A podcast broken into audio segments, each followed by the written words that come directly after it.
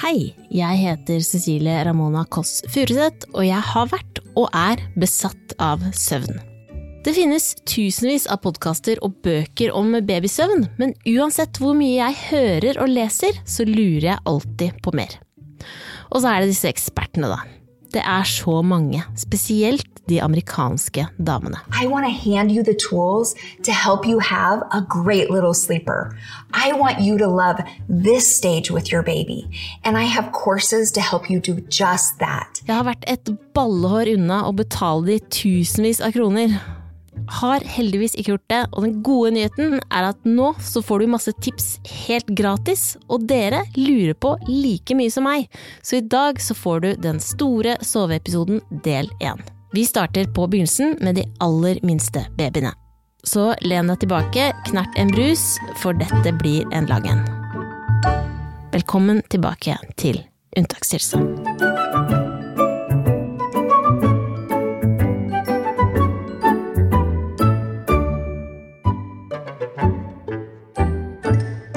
Jeg ba dere som hører på om å sende inn alle spørsmål dere har eh, rundt baby- og småbarnssøvn, og dere hadde mange, mange mange spørsmål. Så i dag så er psykolog Turid Skjerve Leksbø på besøk for å snakke om nettopp søvn. Og først, uh, Turid, hva er liksom din bakgrunn, hva jobber du med? Du, aller først takk for at jeg får lov til å komme. Det er veldig veldig kjekt. Jeg jobber som psykolog, tilknyttet RBUP, som er regionsenter for sped- og småbarns psykiske helse, og, og jobber med større barn. Og så jobber jeg med voksne på DPS på Voss, der som jeg bor nå, da. Mm. Mm. Og så er du, det er ikke til å unngå å legge merke til, at du er veldig gravid. Ja. Og du har også tre barn. Ja, det har jeg. Har du strevd med det sjøl? Det er nettopp derfor jeg er, ja. er veldig interessert i søvn og har gått inn i dette feltet, fordi jeg har ikke fått det til sjøl. Hva var dine problemer, da? Jeg føler jeg har vært innom alt. Så, men særlig innsovningsvansker. Sant? At en ja. sitter og rugger og bysser, og en gjør alt. En står på hodet og klapper i hendene og prøver å finne et mønster på hva er det som egentlig funker. Mm. Og så eh, får en det ikke til. Og så kjenner en på den der desperasjonen og frustrasjonen over at hva i all verden skal jeg gjøre? Jeg blir jo en helt annen utgave av meg sjøl som eh, søvndeprivert småbarnsmor. For det er jo så viktig for alle. Det er jo det. Alle involverte. Ja. Det er jo ingenting som gjør deg mer sånn smågæren enn å leve lenge på veldig lite søvn. Mm. Det er jo faktisk en uh, mye brukt torturmetode òg, så det er litt sånn en kan skjønne det når en har vært og kjent det veldig på kroppen, mm. faktisk. Men dere holder også på å utvikle en app ja. som skal brukes i samråd med helsestasjonen. Mm. Hva, hva, slags app blir det? Det er et veldig spennende prosjekt som RBUP eh, i samarbeid med Stiftelsen DAM eh, holder på å utvikle. Og det er en sånn veileder-app mm -hmm. der enten helsesykepleier eller andre i førstelinjetjenesten, om det er en kommunepsykolog eller en familieterapeut eller noe sånt, som jobber med denne målgruppa, oss som ikke får ungene våre til å sove eh, kan få sånne støtteverktøy. At da har vi samla alt eh, vi finner av forskning, og prøvd å skrive det litt sånn enkelt, så at ikke foreldre må ved eh, ha mastergrad eller doktorgrad for å lese seg opp på dette her med søvn. Mm. Og det er gratis? Det skal være gratis, og poenget er at kommunene skal betale for det. Så det er jo litt opp til hvilken kommune en bor i ja. foreløpig, men finansieringsmodellen er ikke helt i orden ennå. Men vårt mål er jo at dette skal være gratis for foreldrene. Mm. Ja. Det håper jeg så det blir, fordi jeg har vært på nippet til å betale masse penger til en sånn amerikansk dame mm. som selger noe sånn søvnkurs. Altså, folk tjener jo fett med ja. penger på dette. Mm. Uh, naturlig nok, fordi vi vil jo bare sove. Ja, en blir jo desperat, sant. Mm. Men dette er gratis, da, og det er veldig fint. Det er i alle fall vårt uh, store mål, at det skal være gratis. Ja. Ja. Eh, og før vi liksom går løs på spørsmålene fra lytterne, kan du liksom fortelle litt om søvnmønsteret eh, til nyfødte og baby fram til ett år? Hva er det som skjer? Ja, de som har hatt et nyfødt barn, og sett uh, de fine øynene som kikker opp på en når barnet har det fint, kan jo bare kjenne etter hvor, hvor godt det er. Uh, og så når en da hører den skingrende gråten, som òg kan komme rett etterpå, og det bare stikker i marg og bein, og en kjenner på denne avmaktsfølelsen, så, så ser en at spedbarnet de har utrolig sånn ytterpunkter da, på hvordan de er. Eh, og søvn det er jo en sånn biologisk prosess sant, som blir påvirka av veldig mange komplekse faktorer. Det er spedbarnet som kommer til verden, sant. Hvilke eh, gener og arv og miljø. Hvilke familier han kommer inn i. Eh, kultur har veldig masse å si for søvn. Forventninger som mor og far har. Hvordan en forholder seg til spedbarnet. Eh, så det er så utrolig mye som påvirker her. Eh, og derfor blir det Og så påvirker jo spedbarnet òg tilbake igjen, sant? så det er jo ikke bare en sånn enveispåvirkning. Men hvordan spedbarnet forholder seg, gjør jo òg noe med oss som foreldre. Mm. Så dette her er et sånn veldig komplekst eh, samspill. Og eh, det som hun kjennetegner da, søvnen til bitte små barn, er jo at den er veldig oppstykka, eller fragmentert. Så det er noe vi kaller søvnkonsolidering, som er liksom hovedmål én til spedbarnet. Mm. At den skal gå ifra korte, små dupper til lengre, sammenhengende søvn. Og da hovedsakelig på natt, men òg en god del på dag. Ja. ja. Så en nyfødt og en ettåring har helt forskjellig eh, søvnmønster, og dette går biologisk. Selv om en har store søvnvansker, så så er det en biologisk prosess som gjør at spedbarnet etter hvert utvikler en kapasitet til å òg regulere ubehaget sjøl òg. Og der er det andre eh, begrepet, altså eh, søvnregulering. Så søvnkonsolidering går fra mange dupper til en lang. Og søvnregulering, hvordan spedbarnet klarer å regulere indre tilstander. Og mm. med hjelp av foreldre, da. Ja, for i starten, da er det jo ikke noe døgn. Nei da er det bare uh, fullt kjør. Det er soving litt her og der. Jeg husker mm. at uh, den nyfødte lå i babynest på sjeselongen på sofaen der sånn ved midnatt. Og sov litt da, og så var vi våkne litt, og så sov vi litt. Og, så, og det er normalt. Hvor lenge er den, uh, den første fasen der hvor det bare er soving her og der? Hvor lenge varer den? Eh, dette er jo òg veldig forskjellig, men hvis mm. en ser liksom på Når de har forska på dette her, og ser på litt sånn større grupper av unger, så ser en at eh, de første ja, fire ukene eh, kanskje seks til åtte uker òg, er litt sånn unntakstilstand, sånn som du har kalt eh, podkasten din. Så jeg syns jo det er veldig sånn eh, fengende navn i forhold til dette med søvn, da. Mm.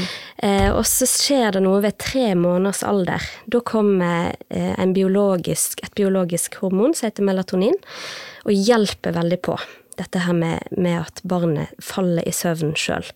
Og det er et hormon som blir styrt av lys og mørke. Eh, så en ser en sånn peak ved tre måneders alder, og så ser en òg at en gradvis ved seks måneders alder, da er det, når en har forska på hvor mange barn som våkner på natta da, så er det fortsatt jeg tror det er 70 jeg, som har én til to oppvåkninger ved seks måneders alder. Og ved ett års alder så ligger en nede på sånn 20-30% som har oppvåkninger på natt. Ja. Så da skjer det en utvikling eh, hos majoriteten av barna, men det er alltid en eh, stor andel barn som ikke følger den utviklingen. Mm, så de er utrolig forskjellige alle sammen? Det er veldig forskjellige, ja. Mm. Ok, da uh, skal vi gå inn på spørsmål fra lyttere her. Nå er det noen trøtt, en trøtt gjeng som har sendt inn disse. Hvorfor er søvn så viktig for småbarns små barns utvikling? Ja, det er jo litt som, som jeg sa innledningsvis, at det er et biologisk behov.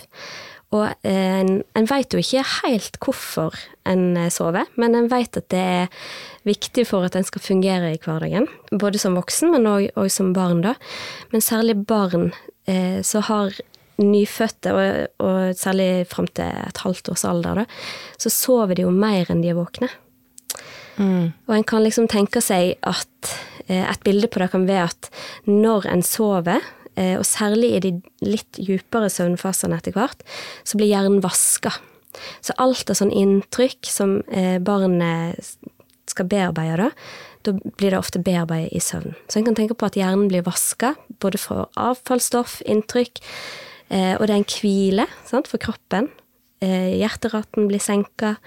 Eh, det er en sånn hviletilstand, og, og, det er faktisk ingenting som kan erstatte søvnen. da.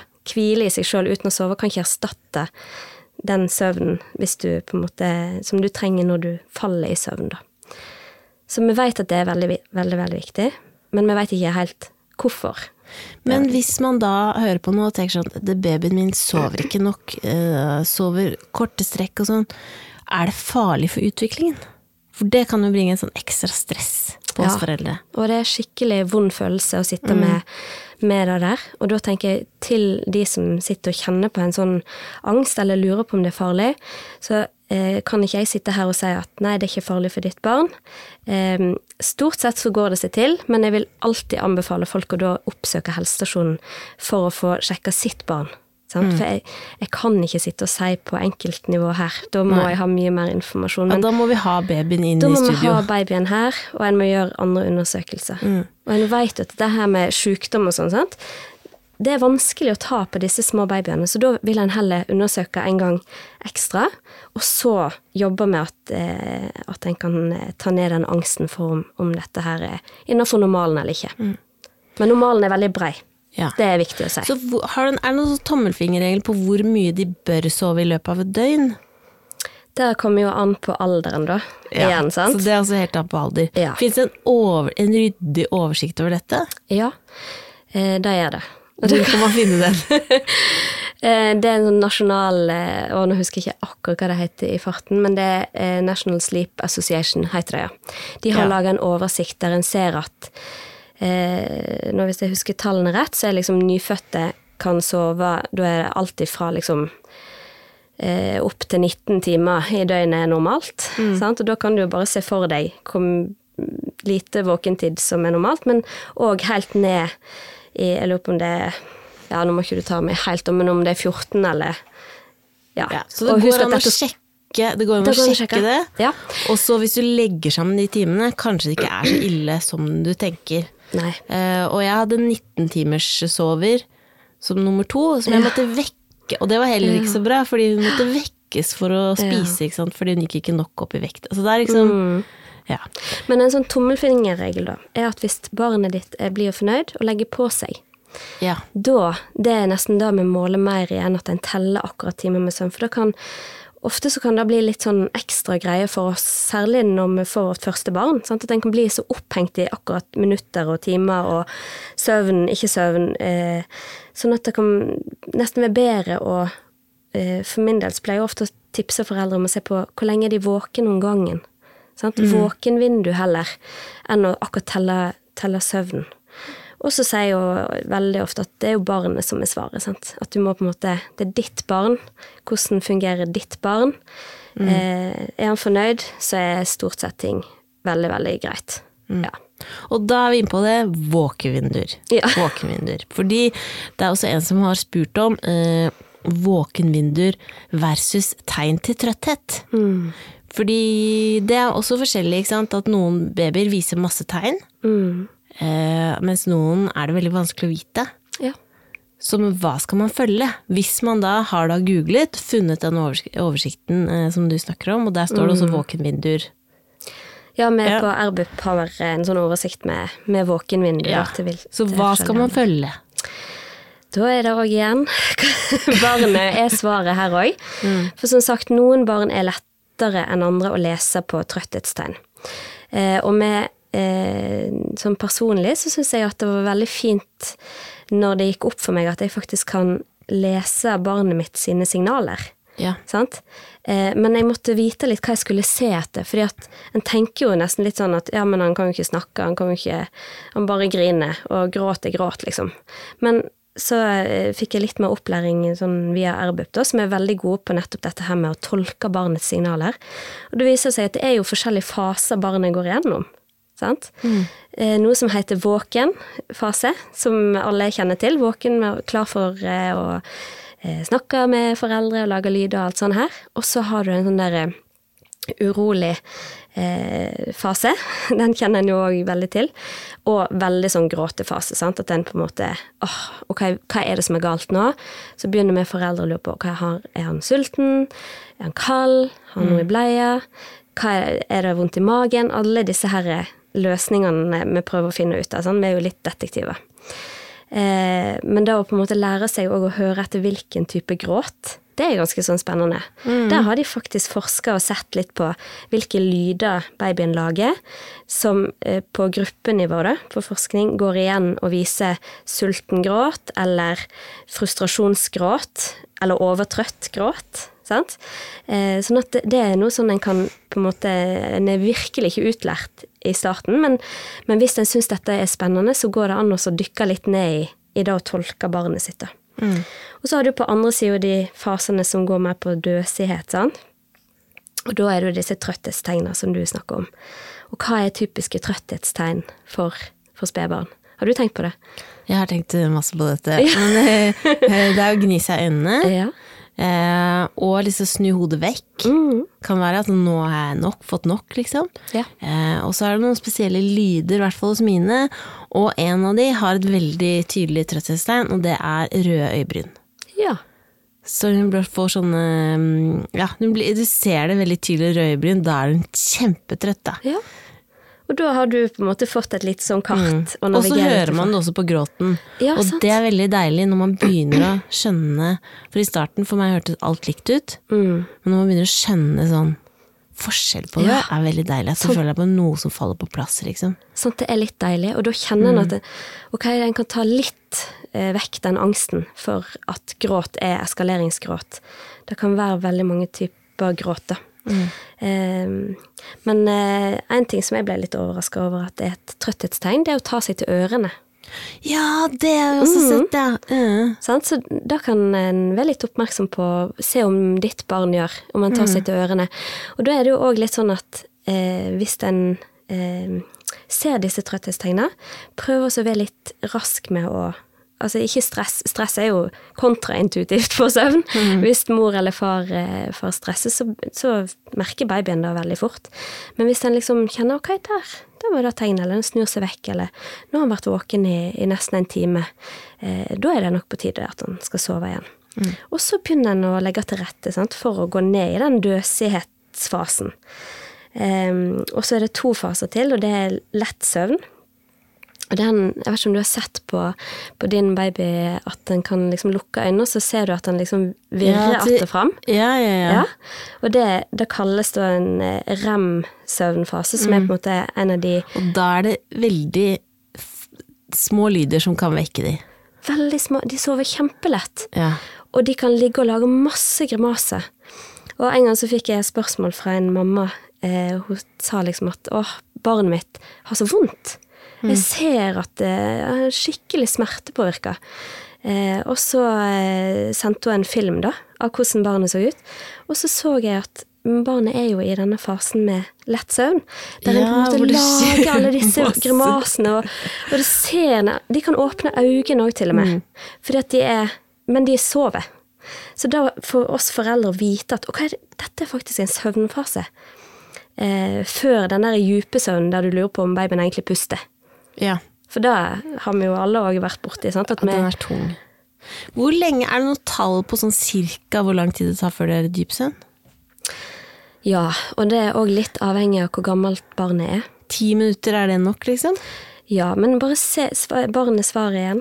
Så Ja. se liksom når barnet ikke ser på kino bak øyelokka sine, og blir roligere i fjeset, helt avslapper muskulaturen, har ikke disse rykningene som en har i aktiv søvn eller rem-søvn. Da. Da, og, du, og du ser nesten ikke at han puster engang, da er det et tegn på at barnet er i dyp søvn. Ja. Og det er en veldig veldig viktig søvnfase for, for barnet. Så da å på en måte hjelpe eh, oss foreldre å forstå at dette her her har barnet det kjempegodt, det puster. Ikke ta barnet opp og liksom sjekk om det puster, men bare legg heller ørene til og så kjenn at det puster hvis du blir engstelig for det. Da. Men det er helt normalt at Ja. barnet skal være i den fasen. Ja. Så går han opp igjen i aktiv søvn. Ja. Så det er liksom det å lære å se liksom etter disse tingene her, det har vært sånn over, altså, kjempeviktig for min del i forhold til mine barn. Da. Um, og så er det, det er et spørsmål her som Dette er det mange, mange, mange, mange, mange som lurer på.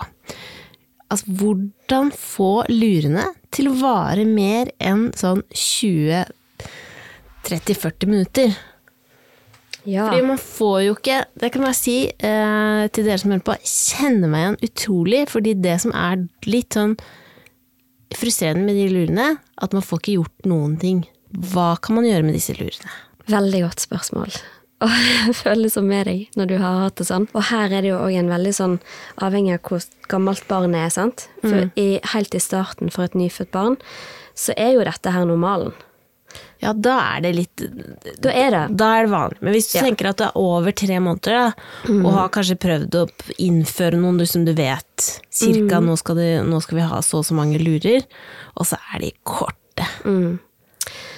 Da er det noe som heter trøstetrappa. Har du hørt om det? Det er en sånn modell som vi ofte pleier å, eh, å gi til foreldre.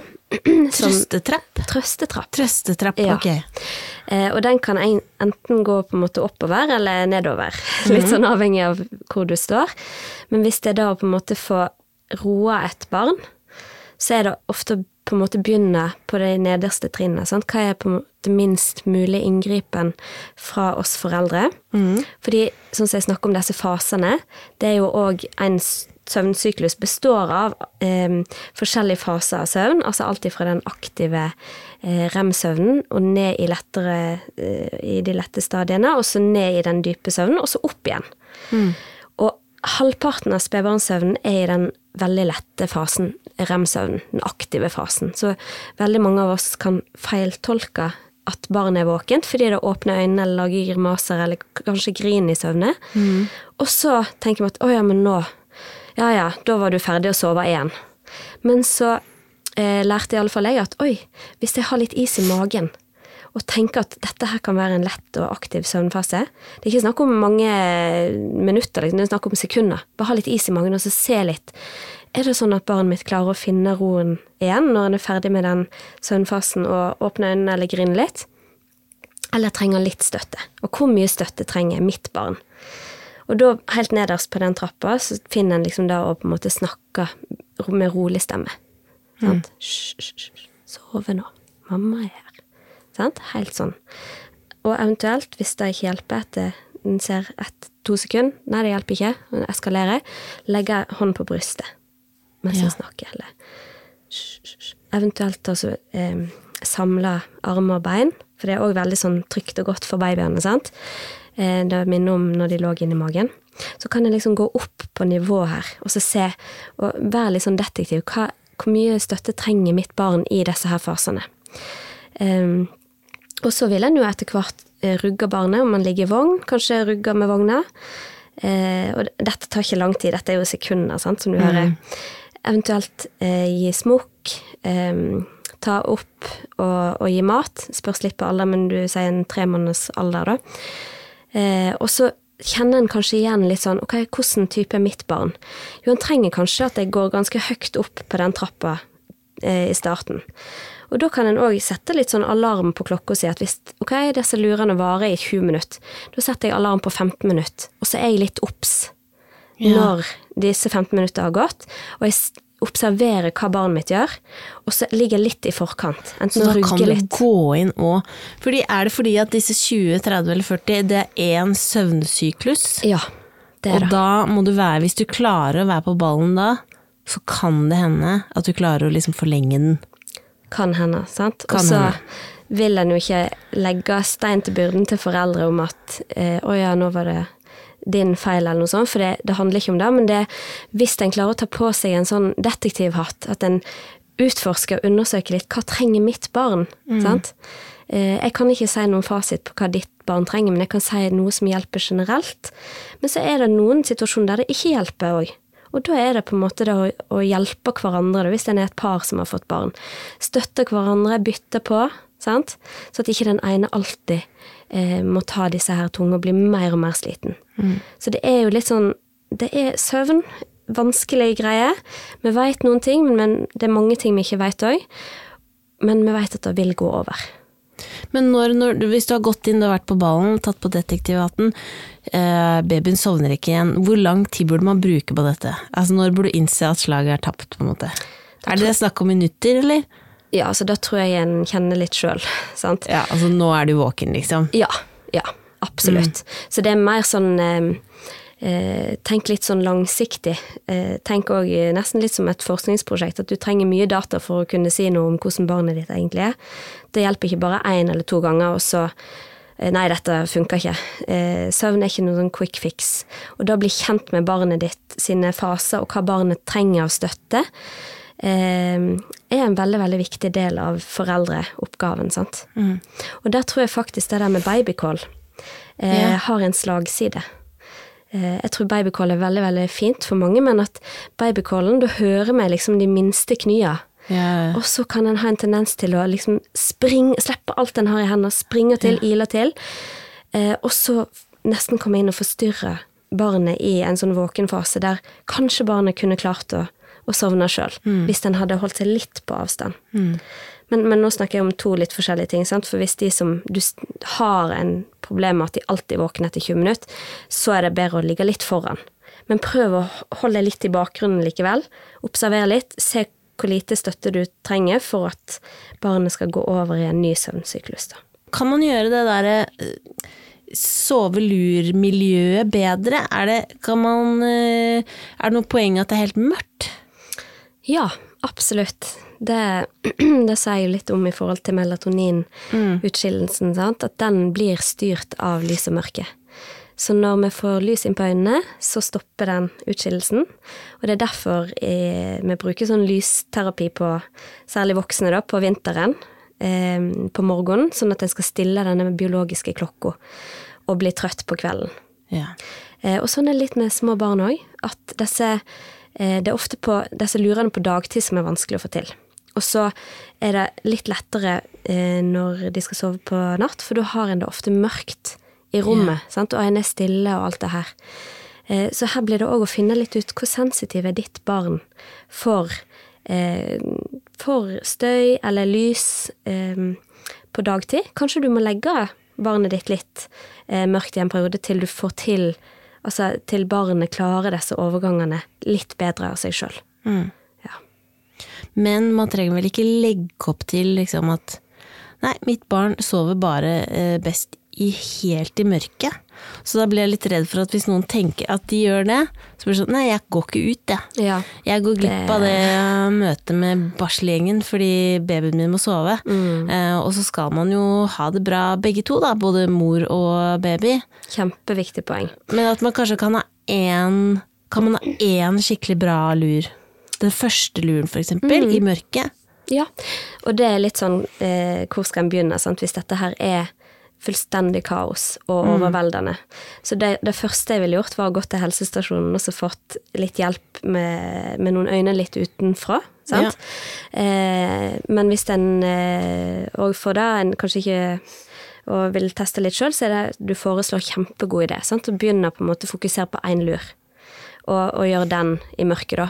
Fordi det er jo sånn som du sier, en må jo som foreldre komme seg ut. Det er viktig at en eh, får lys på øynene sjøl. Prate med voksne folk. En kan ikke sitte inne i, i mørket. Det, det går ikke an. Så det jeg mente var mer en sånn midlertidig fase, at en på en måte satser på ja, ta en lur, da. Og også for det kan være deilig for deg som forelder, da, at man Ja. får den ene lange luren hvor man faktisk får gjøre noe. Altså, jeg hadde en sånn dusjlur. Altså, den første luren, det var alt, den var alltid ganske bra, Ja. eh, og da kunne jeg ta meg en dusj, liksom. Eller fylle den med noe som er hyggelig, da. Ja, så bra. Og det er så viktig, for det, har, det handler om den psykiske helsa vår. Sant? Og vi vet jo at dette her med depresjon er en kjempevanlig. Altså mye vanligere enn en tror. Og det henger jo kjempetett til søvnmangel hos, eh, hos nybakte foreldre. Så det er, sånn, det er skikkelig opptatt av at en må ivareta seg sjøl først. Og hvis en har noen en har fått barn sammen med, prøv å hjelpe hverandre, snakk sammen. Hva trenger du når det er sånn, og hva trenger jeg? Og ha en sånn åpen dialog på det. fordi det, hvis en klarer å ta vare på hverandre, så klarer en å stå igjennom helt andre ting enn enn hvis en begynner å på en måte få dårlig kommunikasjon, eller konkurrere om hvem som er mest sliten og sånn. Og vi har jo aldri Altså, jeg har iallfall Alle har vært vært, vært på den konkurransen. Alle har vært på den. Det regnskapet der. Virkelig, sant. Og det er jo et fascinerende regnskap. For Ja. hvordan skal du måle hvem Ja, som det er må mest man bare sliten? slutte med, men jeg gjør det selv. Altså. Ja, ja, ja, jeg òg gjør det. Men, eh, men jeg tenker at eh, hvis en får til å ha, ha litt medfølelse med den andre, og ikke minst kommunisere egne behov, Mm. så er det iallfall første skrittet til å, til å stå sammen som, som et par, da, i møte med, med manglende søvn hos barnet sitt. Og så er det mange som lurer på dette med svøping. Det er litt sånn amerikansk eh, greie, men at du så svøper babyen, eh, og så er den på en måte Fordi de har jo denne er, Hva heter den refleksen som er sånn Moro-refleks. Ja, mororefleksen, og at de liksom sover bedre hvis de er svøpt, da. Eh, og så er det en som skriver at hun har en ti uker baby som sover veldig godt og lenge når hun er svøpt, men ikke uten. Vet det ikke er anbefalt eh, med svøping når baby kan snu seg ved tre måneder. Hvordan kan jeg avvenne og fortsette med god søvn uten svøpingen? Nå må jeg òg bare svare generelt, da. Ja, men ja, generelt. Sant, For for jo det er et viktig poeng, ikke sant, som hun skriver. Med en gang de kan liksom snu seg, da må man få de ut av den svøpingen. Ja. Eh, og det er jo nettopp fordi at eh, dette her med krybbedød øker jo for barn som sover på, på magen. Sant? Ja. de på, så det er på en måte hele den greia. Ja. Eh, men svøping i seg sjøl er jo nettopp sånn som du sier, at det imiterer jo hvordan det var for babyen inni magen. Eh, så det spørsmålet kan en få til en, et sånn tett og godt miljø uten å svøpe. Sant? Kan en trappe ned svøpingen litt? Kan en på en måte svøpe med eh, Altså I USA er det veldig vanlig å svøpe med hendene ned. Ja. I Norge er det mer vanlig å svøpe med hendene opp. Fordi eh, det at barnet kan få tilgang til hendene sine og suge på hendene, er òg en sånn eh, viktig eh, sjølreguleringsevne. Altså, det er et poeng at hendene bør være ute. Ja, hendene bør være yeah. eh, i alle fall tilgang til Du kan jo se, her er barnet ditt svaret igjen. Hvis det skaper mer styr hos barnet ditt, så gjør du det ikke. Da legger du hendene under svøpen, på en måte. Men Mm. Noen barn har veldig behov for å roe seg, særlig de som ikke tar smokk. Ja. Og på en måte få suge litt på fingrene sine. Det er på en Mm. måte en av de, de teknikkene de bruker sjøl, da. Eh, men kan du pakke dyna? Kan du liksom eh, Noen bruker jo sovepose, sant? Eh, kan en trappe ned? Kan en liksom ha noe rundt som ikke eh, Som på en måte lager liksom tett og godt miljø? Ha ei mindre seng? Lage en plan altså Det at babyen har noe å ta beina mot, er ofte en veldig sånn beroligende ting. Ja, dytte fra med bena, liksom. Mm. Så kan en legge noe nederst i senga som på en måte babyen tar beina mot. Eh, jeg tenker en eh, Her vil en tenke en nedtrapping, da. Og så prøve å finne alternativ. Ja. Mm.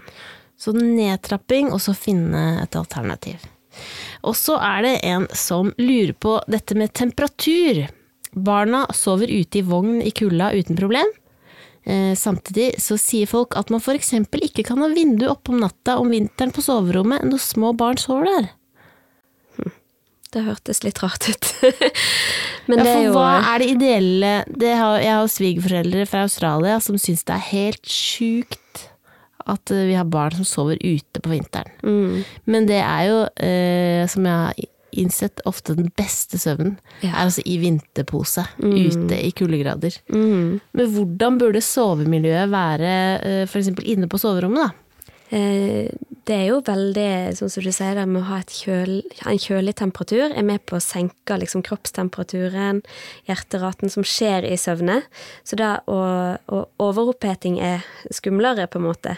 For, Enn å bli eh, kald. Ja. Enn å bli, ja, en skal ikke bli kald, men, I mean, et liksom ja. Mm. kjølig sovemiljø er jo det en anbefaler, da. Eh, jeg tror de sier sånn 18, 18 grader, men en kan òg ha det ha det lågere. Det er litt sånn se barnet an, ta på barnet sånn at den, du kjenner ofte i nakken om barnet er varmt eller ikke, sant? eller på hendene. Um, men det, det Jeg er syns jo ofte hendene er iskalde selv om de har god temperatur. Ja. Votter.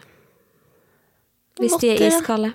Altså, prøv å være kreativ. Hva hvis det da føles helt Hvis du kjenner på brystet og i nakken, det er helt topptemp, mm, kalde hender. mm. Hvis de er i sovepose, for eksempel, da. Går det bra? Ja, eh, altså Som sagt, jeg må svare generelt igjen, du. Ja. Men, eh, men eh, barnet ditt er alltid svaret her òg. Ja, Ja. ikke sant. Barn er alltid Ja, svaret. Så det er lov å ha det litt kaldt. Det er jo bra Ja, for eh, alle. Heller da passe på, eller jo, passe på at det ikke blir for kaldt selvfølgelig, men overoppheting og sånn. Ja, det er ikke Fordi nå går vi mot uh, sommer. Hvis det blir sånn, hvis vi har ødelagt kloden da, som uh, vi holder på med nå, og det blir Hvis det blir en helt sånn tropesommer, liksom. Ja. Har du noe triks da? Kan man ha vifte? Er det sånn at man kan ha Ja. Skal vifta stå Kan vifta stå og vifte mot baby? Altså, nå begynner jeg å bevege meg ut på tynn is, for dette her, eh, her er det bare jeg som mamma som eventuelt tør å Jo, men det svare, er bare? Ja. Ja. Men det, ja. Men som mamma så tenker jeg jo at vær litt kreativ, og så kjenn etter på barnet om eh, Altså det å ligge rett i vifte eh, kan jo òg bli en sånn eh, Du kan få forkjølelse og sånn, da. Men, men eh, hvis du får liksom gjennom, luftgjennomstrømming på rommet Vifte med sånn wing, at den Ja, altså rundt i rommet. Det, En må jo bare være kreativ, og så Ja. se litt hvordan reagerer barnet mitt på dette. Mm. Mm. Men det er jo ikke noe godt å sove hvis den er klam og svett Det og helt. Det er jo ja, kjempevanskelig. Ja.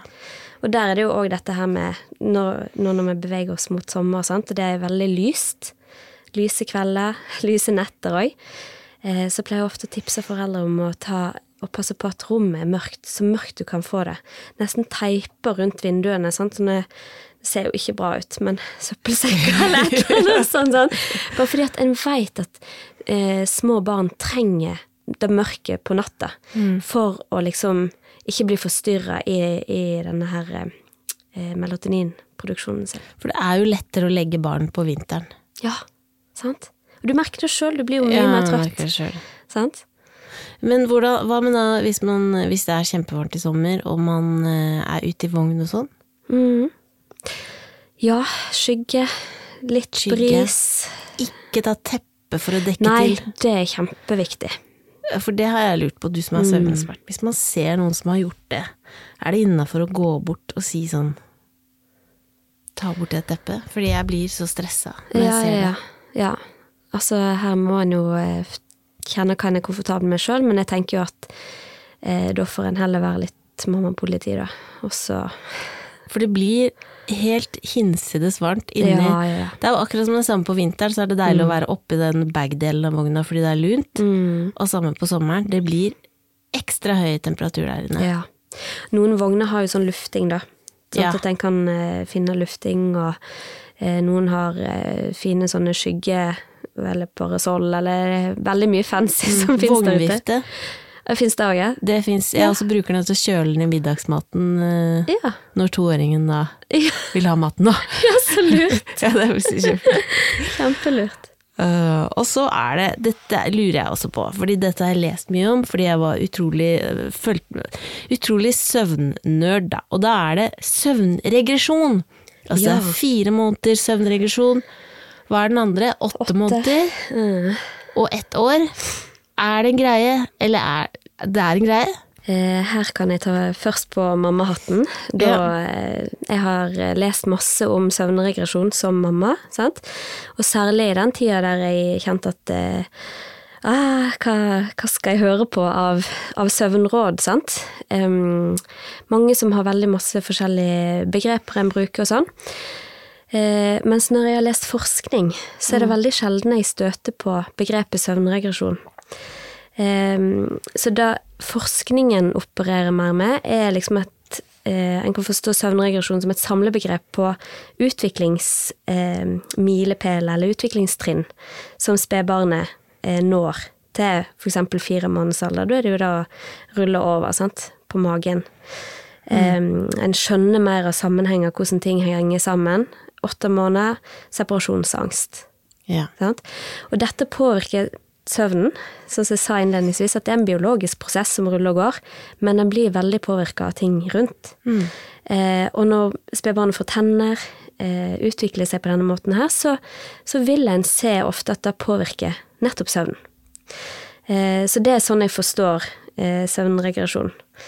Eh, litt mer i forsknings... Eh, Så det er de gangene hvor det er masse ting som skjer. ja, i utviklingen til, Så da til kan man forvente på en måte Er det noen babyer som man ikke merker det i det hele tatt? Ja, det er jo litt sånn eh, I psykologien så vet en jo at det en forventer, det har en tendens til at en ser etter nettopp det en forventer, sant. Eh, så hvis en forventer at barnet skal sove veldig dårlig i en fase og liksom stålsette seg litt til det og sånn, så kan for noen kan det være bra, men for veldig mange så kan en begynne å på en måte se etter ting som kanskje objektivt ikke er så tydelig, da. Um, og så begynner han å gjøre masse ting for å sikre seg, og så blir en litt sånn Så skaper han en sånn uheldig greie. Så jeg, jeg tenker heller ta så følg barnet ditt, og så tar du det du får. Ja. Og så vet du at det kommer en separasjonsangst. Så hvis en skal jobbe med søvn, så pleier jeg ofte å eh, anbefale at en begynner litt før den separasjonsangsten eh, setter inn for fullt. sant? Eh, men en klarer fint å jobbe med det da òg, men da har en på en måte en sånn ekstra faktor da, som en, en må håndtere. Så hvis det går litt sånn ekstra på tverket, kanskje du er inne i en litt sånn god rutine, Mm. og så kommer det fire måneder, så er det også naturlig. Det er det er ikke du som har gjort noe feil. Nei, nei, nei, det er ikke du. Det er faktisk barnet ditt som utvikler seg helt normalt. Ja. Ja. Så det, og det går over. Det går over, Mm. og det går an å legge til rette. Og være, men, men her er det på en måte litt den der foreldreferdigheten, at en, en må faktisk være litt sånn fleksibel. Mm. Det er en av de tingene en, en kan øve seg i. At ok, nå skjedde dette her. Akseptere det, og så prøve å gjøre det beste ut av det. Mm. Ja. Og så skal vi over på noe som jeg eh, driver med sjøl hver natt. Samsoving. ja. Hvordan gjøre samsoving trygt? Ja, nå eh, snakker jeg ikke med en samsovingsekspert, men jeg, eh, de som er veldig gode på dette, er jo Landsforeningen for uventet barnedød. De har masse god informasjon. Veldig. Så sjekk der hvis du har lyst til å lese deg mer opp på dette. Men generelt så snakker en jo om eh, at samsoving er helt opp til foreldrene, sant? hva foreldrene ønsker, eh, men så må det være trygt. Ja. Ja. Og da har en to typer samsoving. Den som er planlagt fra starten, og en legger til rette for at ja, men dette her er et eh, valg vi tar som foreldre. Eh, og, så ha, og da legger en ofte til rette veldig med, med trygghet og med ja, at ting er, er ordentlig med egen dyne og alt sånn. Og så har du det som kalles reaktiv samsoving, som er mer den som bare skjer i løpet av natta fordi du er så trøtt og frustrert og bare åh, kom opp i senga, da. Sant? Um, det er den typen som er mest oppmerksom på i forhold til trygghet. Da. At eh, hvis en merker at en er en sånn reaktiv samsover, at det bare skjer i løpet av natta, ta og så sjekk at eh, du samsover på en trygg måte. At babyen har egen dyne, at den får puste godt, at, gjerne at den ligger Det er plass. Det er plass. Det må være plass rundt. Du må ikke liksom være redd for at du kan rulle over barnet ditt. Det, det er det vi er redde for. sant? Ja, fordi det, jeg syns det var kjempeskummelt, men vi ville ikke gjøre det i starten, liksom, for jeg syns det var så skummelt når de er bitte, bitte, bitte små. Eh, men så skjer det jo at man burde Jeg syns egentlig at alle burde legge opp til at det kan skje. Fordi nettopp som du sier, da. Plutselig er du midt i noe amming på natta, eller du er bare så trøtt, og så bare Nå bare skjer det, liksom. Og da er det jo mye bedre eh, at det er trygt, da.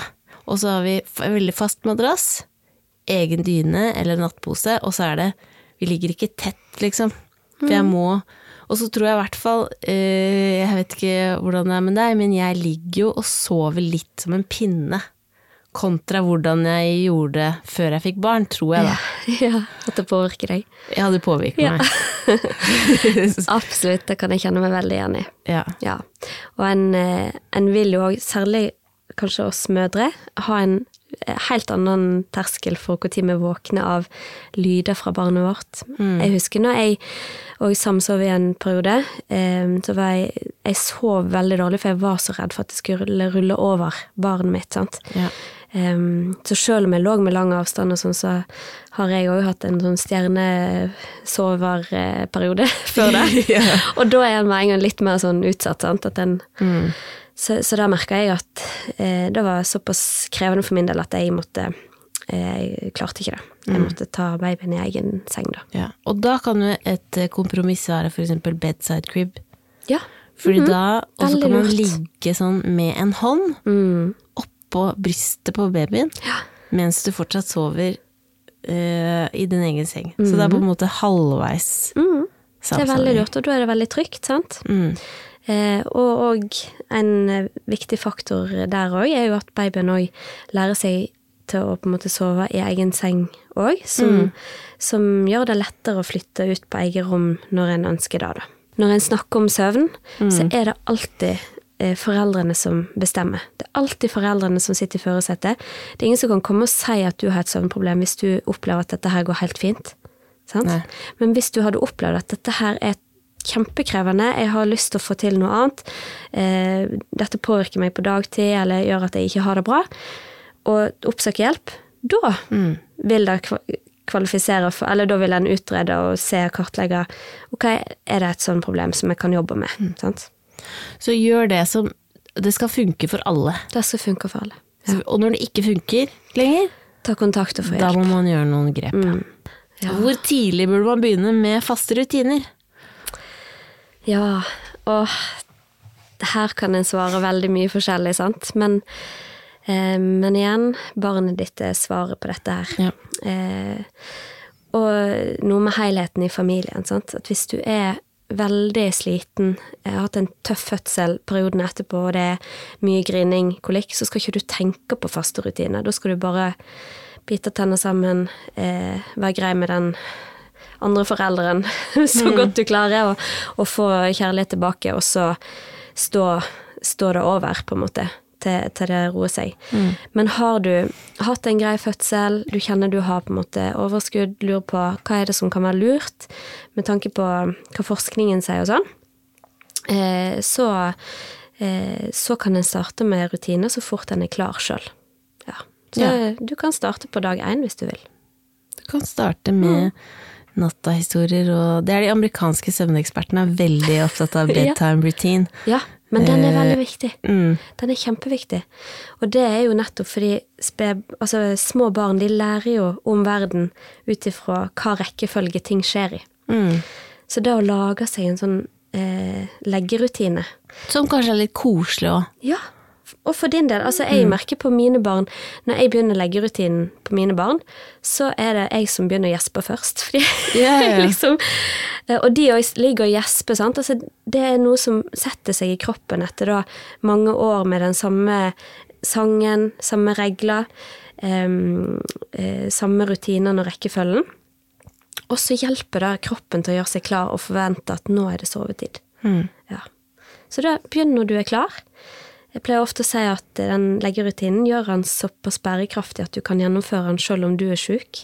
Ja, det trenger ikke å være avansert. Nei, nei, nei. Det trenger ikke å være avansert. Det er bare rekkefølgen her som ofte er viktig. viktig. Eh, altså først liksom Ofte greit å gjøre under mat, og så går en eh, på badet og skifter sånn, og så leser en bok, enten inne på rommet, eller Og så eh, legger en seg ned, og så tar en én sang, den faste sangen som blir så kjedelig at barnet kanskje sovner. Noen barn kan sovne i løpet av sangen, sant. Eh, fordi at de veit ok, det som skjer nå, etterpå, at mamma sitter ved senga mi eller går ut, og så er det sovetid. Det er helt mørkt. ja. Veldig trygt. Barn elsker sånne faste ting. Og selv om det virker som de kanskje ikke har så lyst, Ja, ja. så Altså, jeg har det er en eh, bra for alle å sove. Ja, ja, ja. Jeg har en treåring med alt som følger med der av trass og Lakenskrekk. Eh, Ja da. Men eh, akkurat den leggerutinen holder vi veldig på. Mm. Og det kan være protester underveis og sånn, men, men det funker. Det kommer, vi kommer ut på andre Mm. På og hun roer seg ned. Og, og det er nettopp det at en sånn leggerutine hjelper ungene til å roe ned. Mm. Sant? Fordi de veit hva som skjer. Og da å holde på de faste sangene, ikke bytt sang.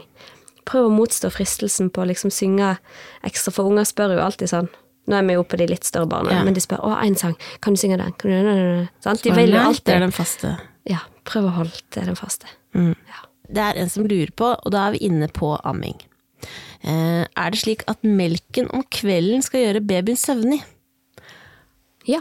Er det, stemmer det? Mhm. Og eh, oppfølgingsspørsmål, kan pumpet nattmelk gjøre baby søvnig? ja. Hva er det oppi den melken, da?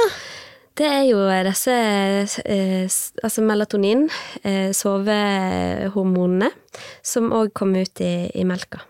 Så det er helt Det rett. er Det er fascinerende, sant? gøy å tenke på. Ja. Og jeg var ikke klar over det før jeg eh, eh, meg litt eh, opp rundt det her, da. Så det som kan være lurt hvis det er en pumpe, er jo nettopp å merke eh, kveldsmelka. Og så eventuelt hvis du trenger at ungen sover litt på dagen, så kan Ja, du Så kan du ta trikse litt. liten ja. Og det er veldig gøy at det er en greie. ja. Ok, og så er det et spørsmål som dette også jeg kjenner igjen. Tips til baby som kaver så mye at han vekker seg selv om natten. Og svøping er ikke et alternativ. Eh, der òg er det jo vanskelig å svare, ut ifra at en veit ikke hva som er grunnen til denne kavingen. Men eh, så hvis en er bekymra for at det er noe somatisk og sånn, så må en jo alltid eh, gå og sjekke det først. Ja. Det gjelder jo alt. Eh, sjekk ut eh, somatikken først. Men det er jo ofte de som går til regelmessig kontroll hos helsesykepleier, de får jo, får jo det der. Det er jo ganske lege. Hyppig i starten. Mm. Men bare sånn at det er sagt, at den liksom ikke Ja. Men eh, kaving er jo nettopp Altså, sa du alder på dette barnet? Nei, men jeg Nei. mistenker at det er en ganske liten en, Ja. eh, siden det er svøping. Han hater å bli svøpt. Ja, ikke sant. Og da er det liksom, hvis det er sånn nyfødt kaving, er ikke det sånn som roer seg ganske kraftig rundt Når roer de refleksene seg da? Og der vet der, eh, Da kan du kanskje svare på mer enn meg, for det vet jeg faktisk ikke. Men jeg det er mener jo at det ikke roer seg litt altså da den melatoninen begynner å kicke inn, sånn at det ja, blir det er rundt to-tre måneder. to-tre måneder, at Ja. det blir litt bedre da, fordi de er jo helt Altså, det er vill sparking Mm. og kaving i starten. Så da kanskje samle Altså en kan jo, litt sånn som jeg sa på svøpespørsmålet, sant? at en Mm. kanskje kan gjøre litt andre ting. Prøve å eh, pakke dyna litt godt rundt. Mm. Legge noe støtte på beina. Um, Sånn halvsvøping, at man kan svøpe bare rundt Ja. underkropp, med armene fri, absolutt. kanskje. Ja. Eller kan man liksom eh, Det gjorde jeg mye, at jeg lå ved siden av, og så samlet hendene. Ja, Eh, veldig Samlet hendene og hadde hånda oppå brystet der, liksom. Å Akkurat i den verste kavinga. I den verste kavinga. Men det går jo utover deg selv, da, fordi det er midt på natta, men da kan du også kanskje sove samtidig som Ja. du gjør det. Ja, så Det du er inne på her, er jo å prøve å finne tilpassinger sant? Som, som funker. Eh, og det er jo òg litt i den aktive søvnfasen, så er det veldig vanlig at de kan på en måte slå ut med armene og styre. Og at de kanskje da sover. Ja, nettopp. Så du kan jo òg ha litt is i magen og så se om, om man Prøve roer seg igjen. ja. Og så bare observere litt. For det er ikke alltid at de våkner sant? i denne aktive søvnen, at de går videre ned i de dype søvnfasene. Så det er helt normalt å ha sånne kavinger kavinger på disse små. Um, og så er det noen som lurer på når og hvordan gjøre forskjell på dag og natt, og når kan man innføre leggetid? Ja. Er det også det vi var inne på, at liksom når du har lyst? ja. Det er ofte Ja. det som er svaret, sant? Ja. Eh, eh, når du har lyst, når du er klar. For dette her er jo litt sånn at en må få hodet over vannet. Eh, og så vet en jo at det er noen ting som kan være lurt, og, og bare det at en har en podkast der en får informasjon om søvn, ser vi på forskningen at det ofte hjelper foreldre eh, til å eh, ja, kunne ta valg da, på bakgrunn av, av kunnskap, rett og slett. Sant? Um, men akkurat leggetid det er jo òg et litt sånn kulturelt fenomen. Vi er mer opptatt av det i Norge enn i andre land. Der er ikke de så på liksom leggetid. Der kan de ha ungene oppe lengre på kvelden. Er ikke det en liksom vestlig greie at de skal legge seg klokka sju? Jo, det er det. Så, så her òg tenker jeg, vær litt fleksibel. Eh, men, og følg barnet. Men det å ha en leggerutine før en på en måte legger barnet, er veldig veldig lurt. Så du finner liksom litt mønsteret til ditt barn. Og så blir det jo å se litt hvordan ser hverdagen din ut. Når pleier det å stå opp? Eh, rekne litt tilbake. Eh, og det å sove ei hel natt for disse små barna er jo ikke tolv timer, sant. Da er det jo snakk om sånn fem-seks timer i strekk.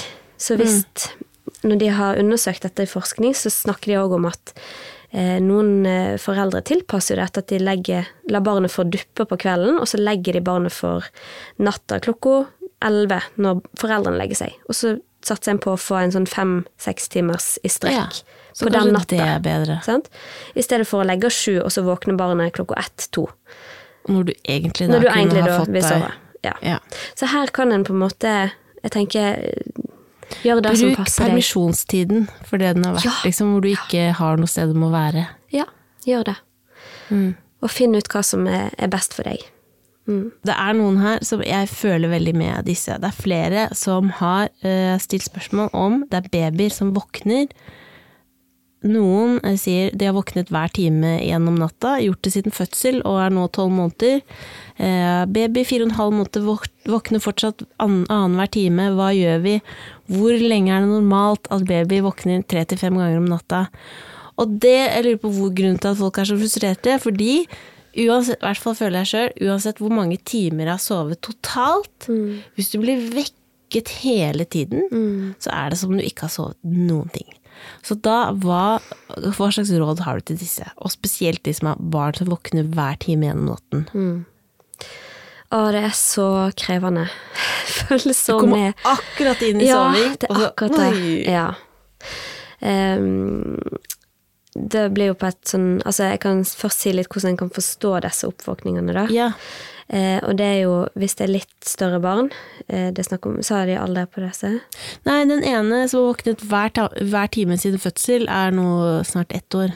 Ja, ett år, ja. Sant? Så da, da er det jo på en måte ikke behovet for mat lenger som styrer. For nyfødte vil en jo tenke at de trenger jo mat fordi de har liten magesekk, trenger hyppig, hyppig mat og sånn. Eh, mens en ettåring, da, da er en over på at eh, da kan en forstå det mer som en eh, At når søvnsyklusen er ferdig, så er det vanskelig for den å sovne igjen etterpå. Ja. Sant? Og da pleier jeg ofte å spørre hva er det som skjer i innsovningen. Fordi en ser at det som skjer i innsovningen, det er det som former søvnassosiasjonene til barnet. Så eh, når forskningen prøver å predikere hvilke barn er det som får søvnvansker eller hyppige oppvåkninger, så ser de at der foreldrene er veldig tett på i innsovningen, eller en amme i søvn eksempel, eh, og en ikke har foreldrene tett på på disse naturlige oppvåkningene på natt, da vil barnet våkne mer til. Sant? For da er det noe som har skjedd. Tenk deg sjøl hvis du legger deg med dyne og pute i gode senga di, og så våkner du opp på gulvet uten dyne og pute. Er I den naturlige oppvåkninga på, Ja. på natt. Du vil jo selvfølgelig reagere på at noe har endret seg. Og sånn er det med barna òg. Så da eh, vil jeg sette litt på hva er det en gjør med innsovninga, og kan en jo, jobbe med at en enten eh, trekker seg litt mer unna og, og hjelper barnet ned i sånn døsig tilstand, og så at barnet får lov til å falle inn i søvn akkurat den siste når du faller i søvn. Det siste barnet ser da, det er på en måte det du forventer å se når det våkner naturlig på natta òg. Ja. Ja. Så jeg tror jeg ville begynt der, og så sjekka litt hva, hva er foreldrene villige til å tenke her. Hva ønsker de? Ønsker de samsoving? Kan en gjøre det på noen andre måter? Kan en ha, eh, få til disse overgangene mellom søvnsyklusene, da? Men, men jeg tenker akkurat på sånne her, når det er så hyppig, gå til helsestasjonen og, så, og spør de om råd. For det kan det. jo hende, altså det, hvis det aldri blir bedre For det, det er jo det som er med babysøvn, det blir alltid bedre. Ja. Altså det endrer seg, og så går man litt tilbake, og så går man litt fram, men så blir det bedre. Og det er jo noen som har reelle, kjempestore søvnproblemer, som har f.eks. fysiske årsaker. Ja, det er akkurat det, sant? Så man må også sjekke det opp hvis man er skikkelig bekymra og Ja. tenker at dette er unormalt. Ja. Og det gjelder for alle de tinga som vi snakker om her i podkasten. At Ja. dette her er ikke helsehjelp på individnivå. Dette er velmenende råd fra Ja, dette- fagperson og helt vanlig dame. Men Og helt vanlig fagperson. helt vanlig fagperson. Ja. Så hvis du er bekymra, så gå til Gå eh, helsestasjonen. Og så er det en som lurer på her um, Skal vi se Uh, um, Breast sleeping. Ja. Skjønner oppriktig ikke hvordan jeg skulle lagt sønnen min som ammes i søvn. Tre måneder gammel. ja. Er ikke det helt innafor å amme i søvn, da? Hvis man orker det? Jo, jo. Det er der igjen. Det er ingen som skal komme og si at du eh, har et problem, hvis du opplever at det ikke er et problem sjøl. Hvis man da kjenner at nå er det søren meg jeg som har lagt babyen hver dag eh, i eh, åtte måneder fordi det er amming i søvn, hva kan man gjøre da? Da er det jo eh, Her er det jo mange ting, sant. Fordi det amma i søvn eh, Det er jo en sånn Da husker jeg sjøl. jeg leste disse rådene som førstegangsmamma, du skal ikke amme i søvn, så tenkte jeg hæ, hvorfor skal jeg gjøre ting mer vanskelig enn det er? Når det er funker så topp, da. ja. yeah. Ungen sovner og alt mulig. Men så merka jeg jo når ungen ble eldre at søren òg, dette her eh, Nå er det jo bare jeg som kan legge barnet mitt, sant? Ja, for det er jo et poeng at begge to, hvis man er to, da Ja. Så det er jo det at barnet eh, vokser, og det som skjer i innsovninga, som jeg sa eh, nå i stad, det som skjer i innsovninga er det barnet vil forvente når det våkner naturlig på natta. Sant? For en har disse søvnsyklusene med disse naturlige oppvåkningene, der barnet bare glatter på øynene og sjekker er det sånn som det var når jeg sovna. Og det jo evolusjonsmessig nyttig, sant, at eh, barnet på en måte sjekker at ting er sånn som det er, og så hvis det er noe som har endret seg, så bare oi, shit, litt alarm. Um, så det er jo denne mekanismen her. Når jeg skjønte det, så var jeg litt mer sånn ok, det er jo faktisk eh, Hvis det er en rasjonale bak, så skjønner jeg litt mer hvorfor en kan kan eh, etter hvert avvenne den altså amminga i søvn, da. Sånn for min egen del. Men, men da, jo eldre barnet er da, jo vanskeligere er det jo ofte for barn å endre det de er veldig vant til, sant? Ja, for da blir da har man jo begynt å få en personlighet øh, Altså, En kjenner jo sjøl hvor vanskelig det er å gjøre endringer i sitt eget liv. sant? En vil jo ha det sånn som en alltid har hatt det. Og sånn er det med baby òg. Så det er derfor dette rådet er såpass viktig, for det er en av de tingene en ser at er viktigst på gruppenivå når en forsker på, på tusenvis av familier. Hvem er det som utvikler søvnproblem? Jo, det er de som er veldig tett knytta til barnet når det sovner inn. Altså enten amme i søvn, eh, sitte der. Eh, da, da skaper det noen assosiasjoner. Og så er det helt i orden hvis en ønsker det, sant? Og hvis det funker. Og hvis det funker. Ingen problem. Men hvis en eh, ikke ønsker det, hvis en ønsker å ha på en måte kveld sammen, eh, eh, ønsker at begge to skal kunne legge, så kan det være litt lurt å, å tenke en sånn nedtrapping, eller eh, i forhold til det å amme i søvn. Da. Og, at, og at en legger babyen Litt sånn som jeg snakker med, om med den trøstetrappa, at en kan, en kan gjøre veldig mye for å få babyen trøtt. Men akkurat når du da ser at nå nå ser jeg at nå er det ti sekunder til denne ungen sovner. Prøv å legge han ned da, før han har sovna. Fordi det er Ja. veldig mange av oss sant, som på en måte holder ungen til han sovner i armene våre, og så lurer vi på når kan vi legge han ned. Og med en gang den legger han ned, så våkner han igjen. Ja, det er den overgangen der som er, den er lei. Kjempevanskelig. Så prøv å finne Prøv å legge barnet ned døsig. At du har roa barnet. Alt er altså mett og god og varm, passelig, alt sånn. Og så legg ned i senga døsig, men våken. Og så se om eh, hvor mye eller lite som skal til, og så trappe ned den der hjelpa, da. Ja. Jeg tror vi må dele dette opp i to episoder, at dette blir på en måte nyfødt-episoden, for det er for mange spørsmål. Ja. Men uh, før vi da uh, avslutter, her, så må vi se. Uh, Da, det er en som lurer på når Jeg mistenker at jeg vet svaret på dette. Når begynner de å sove hele natten? Få høre hva du mistenker. Jeg mistenker at det er helt individuelt. Ja. Men at det også, når de begynner å ikke ha behov for å spise om natten, det er rundt da cirka. ja. Og det er jo- Stemmer dette? Ja, absolutt. Sant? Det er jo veldig forskjellig her òg. Men hvis en ser på forskningen, så kan en se litt sånn eh, hvor mange prosent av barna sover eh, hele natta. Og da er det òg definisjonen på hva som er hele natta, sant. Ja. Ja. Eh, så, så her er det litt uh, ut ifra hvilken definisjon en bruker. Eh, men noen barn er tidlige. Og, og hvis en har òg jobba litt med sånne søvnassosiasjoner, som jeg sa, så vil det òg gjøre at barnet eh, har lettere for å sovne igjen i disse søvnsyklusene på natta. Sant? Hvis en ikke forventer en, eh, å ha puppen der, eksempel, eller mamma der. Og så er det sånn at øh, hvis, det er, hvis du er i barselgruppe med noen hvor de sier min sov gjennom hele natta, og din ikke gjør det, det er ikke noe du gjør som forelder. Nei, nei, nei. Altså, Ikke tenk at det liksom er idealet. Og det kommer etter hvert. Ja da. Og det er så viktig hvordan vi forholder oss til dette her som foreldre. Sant? Fordi en kan ikke tvinge en unge til å sove, til å sove Nei. men du kan hjelpe ungen din til å bli trøtt. Og det at du klarer å være litt rolig som forelder, vil jo ha veldig mye å si for, for hva ungen din kjenner etter hos deg. sant? En stressa forelder vil jo fort på en måte smitte over. Og det, det er ikke noe kjekt å være en stressa forelder heller. Så len deg litt tilbake, og så går dette seg til. Er søvntrening skadelig for barnet, og hva er søvntrening? Da blir vi jo litt over på de litt større barna, da, men eh, en snakker jo om Altså, søvntrening eh, Sånn som jeg tenker på det, så er det egentlig bare at en eh, tenker at en har lyst til å jobbe med søvn. At en lager seg en plan for hvordan en skal jobbe med søvnen, ut ifra hva som viser seg å ha effekt forskningsmessig, og hva en ønsker som foreldre. Eh, og da vil disse søvntreningsplanene se veldig forskjellige ut, avhengig av hvilken familie som Hvis det er noen som sier sånn Jeg, nå er babyen øh, seks måneder. Han, skal, han eller hun skal inn på eget rom. Jeg vil at han skal lære, meg å sovne, lære seg å sovne selv. Det er det jeg tenker som Ja. søvntrening. Er det det som er søvntrening? Mhm, det, kan, eh, det er en problematikk, sant? Som en, en helt spesifikk bestilling. En bestilling.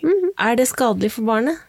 Nei, en vil jo aldri ha anbefalt ting som er skadelig for barnet. Nei, så det er ikke skadelig for barnet. Nei, det er ingen Men det som krever en Det kommer helt opp til deg som forelder. Hva du er komfortabel Fordi med. hvor viktig er det, det er det mange hvor viktig er det at barnet lærer å sovne av seg selv? Mm. Det, skjer det, er det noe vi skal lære dem, eller er det noe som skjer? Ja. Er det også individuelt når de begynner med det? Ja da, sant. Her sa jeg jo òg at dette her er en biologisk prosess som blir påvirka av mange ting. Eh, men en ser at de som lærer å sovne sjøl, har bedre forutsetninger for å gjøre det i løpet av natta òg. Og da blir det mindre At de da finner veien inn i søvnen igjen. Ja. Hva er ditt beste tips da for å lære seg å sovne selv? Det er jo sånn med søvn, sant, at en går ett skritt fram, og så er det av og til to skritt tilbake. Så da å på en måte kjenne at en, eh, en går mot et mål, sant, og så må en klare å ta imot det som kommer underveis. Eh, men da på en måte lage seg en plan på hva er det jeg ønsker, og så gradvis gå mot den planen, og ikke tenke at det er noe quick fix, men, men at dette her handler om en læring for barnet. da. At barnet skal lære seg denne selvreguleringsevnen som det å sovne sjøl faktisk er. Men de har kapasitet til det fra seks måneders alder. Og noen før òg. Men uh, Turid, vi må rett og slett lage en del to om de litt større barna, fordi vi har veldig mange spørsmål igjen. Ok, så du kommer tilbake. Dette var altså eh, søvn hos de minste barna, og så håper jeg det hjalp, og tusen takk for at du kom. Tusen takk for meg. Fortvil ikke, del to av den store soveepisoden er rett rundt hjørnet. I mellomtida så vil jeg gjerne høre fra deg. Send meg en mail på unntakstilstand at anti.as, eller snakk med meg på Instagram. Klem! But before you go, I need to remind you of this. There's no better mama, no better daddy on the planet for that baby than you. do ba do ba do ba do ba do ba do ba do ba do Unntakstilstand er produsert av Anti for Podimo. Og det lydklippet du hørte av den amerikanske dama, det var 'Taking Care of Babies' og er hentet fra Instagram. A do ba do ba do do do ba do